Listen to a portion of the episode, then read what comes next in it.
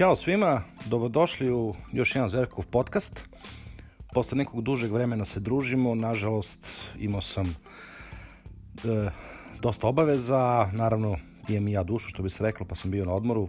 Na Tasosu svima preporučujem Tasos, predivan je, napisao sam jedan divan tekst o tome, jako je čitam, pro, pročitajte obavezno, možda se i vama dopadne. Pa, što bi se reklo, da se posle ovog odmora vratimo na, na rad. Danas bih volao da pričamo o a, greškama kod Google i Facebook a, oglašavanja, znači neki, par nekih najčešćih grešaka koje ljudi prave, a, nisu mnogo ni svesni toga, a možda nisu ni, ni edukovani, što bi se reklo.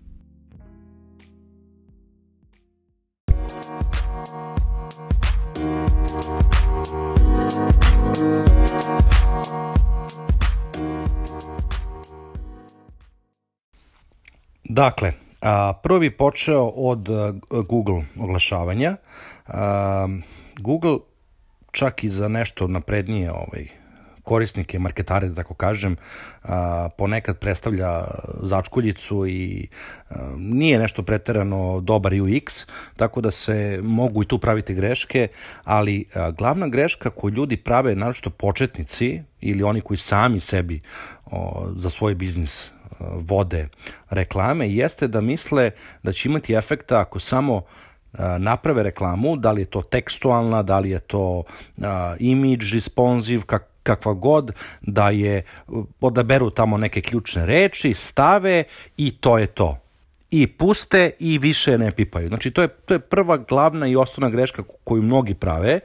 Uh, to se, to se tako ne radi. Znači, vi prvo morate da uvežete uh, Google Ads sa Google Analitikom, morate da proaktivno, uh, znači najčešće uh, na barem 2 do 3 dana proveravate Google analitiku da vidite preko kojih uh, ključnih reči ljudi dolaze, uh, koje ključne reči nisu dobre. Znači, vi za neku ključnu reč možda imate ogroman bounce rate i samo bacate pare bez veze. Znači, preko te ključne reči neko dođe i, odnosno recimo od 100 ljudi, uh, bounce rate je 92%. Znači, 92 korisnika su bili na stranici manje od ne znam ja koliko, 30 sekundi, minut koje je već pravilo. Znači, on, pardon, mnogo manje od toga, mnogo je manje sekundi od toga.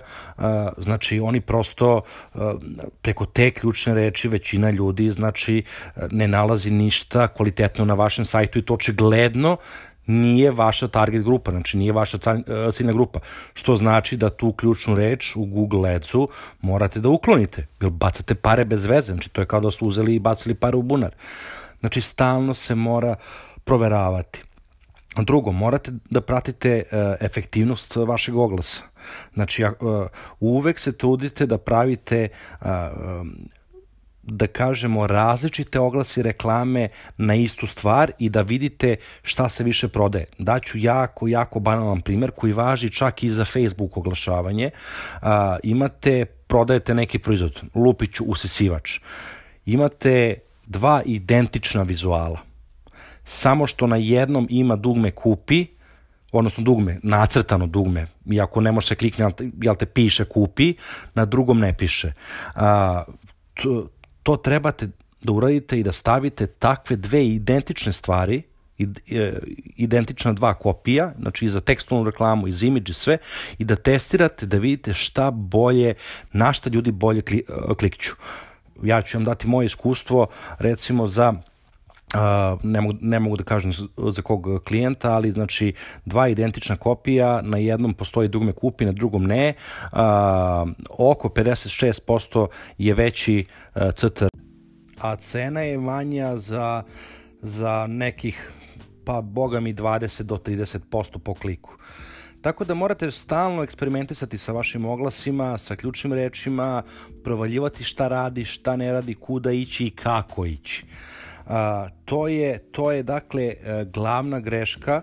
A, naravno Facebook je čak to i mnogo olakšao u smislu a, e, da vi kada pravite kampanju na Faceu imate a, e, split AB testing verziju kampanje gde vas on tera da vi napravite reklamu A i reklamu B i pita vas na koji način ćete da, da eksperimentišete, da li je to sa cijelom grupom, da li je to sa uh, izgledom uh, vizuala, slikom koji ćete da, da puštate. I onda vi tu odaberete stavite jedno 5-6 eura, čisto sitno 10 eura, da ide jedno 2-3 dana, da vi vidite na šta ljudi više klikću i kad se to završi, onda uzmete onu reklamu, znači onaj vizual koji najbolje radi za vas i onda njega posle u njega uložite 20, 30, 50, 100, 500, 1000 eura koliko ste već odredili za kampanju. Tako da, znači, to, to konstantno testiranje mora da se radi. Znači, ne može samo da se nešto jednom napravi, pusti i, i to tako uh, ostavi. Druga greška koju prave uh, je upravo stavljanje previše ključnih reči um, i prevelika ciljna grupa. Recimo, vi na Google, ako imate um, ako imate proizvod koji prodajete, ako je neki digitalni proizvod koji prodajete u više zemalja, često ljudi uzmu pa stave uh, kampanju na Google-u, uh, stave uh, za sve zemlje, recimo, ne znam, ubace na 15 zemalja i onda u, u jedno polje stavljaju ključne reči i srpske i engleske i ove i one. Znači, to, to je prva greška. A, druga greška je čak i, i kada pravite samo za jednu regiju, recimo za Srbiju, da stavite previše ključnih reči. To e, deluje možda pametno i da tako treba raditi, ali zapravo nije mnogo pametno. E, već čak možda treba i odvajati kampanje po ključnim rečima.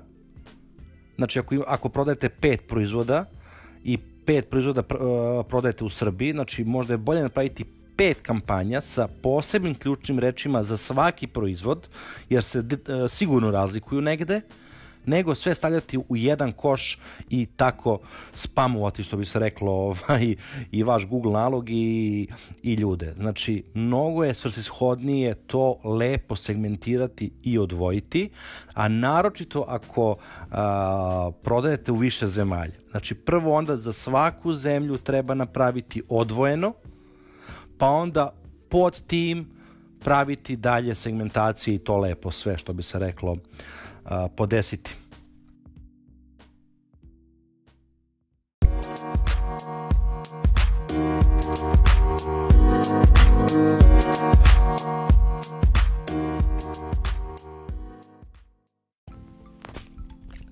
Treća greška je naravno upravo taj link, odnosno odredište gde navodite ljude putem svojih reklama koje pravite na Google, na Faceu, nebitno je.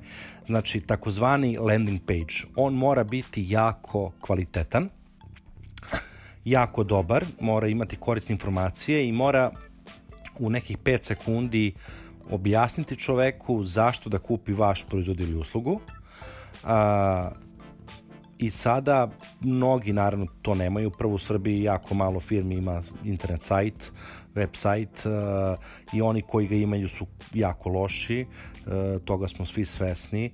Uh, u tom slučaju potrebno je napraviti na neki drugi način landing stranicu na koju ćete ljude odvoditi tamo gde oni mogu da se informišu o vama i vašim proizvodima i uslugama i da ih pretvorite iz lidova u kupce. Znači, jako dobra landing stranica je važna, uh, pogotovo ako ima neki explainer na njoj, znači to je isto važno za ove koji ne znaju, explainer, explainer je neki uh, kraći video snimak, video animacija, šta god, znači video, koji objašnjava ko ste, šta ste i čime se bavite.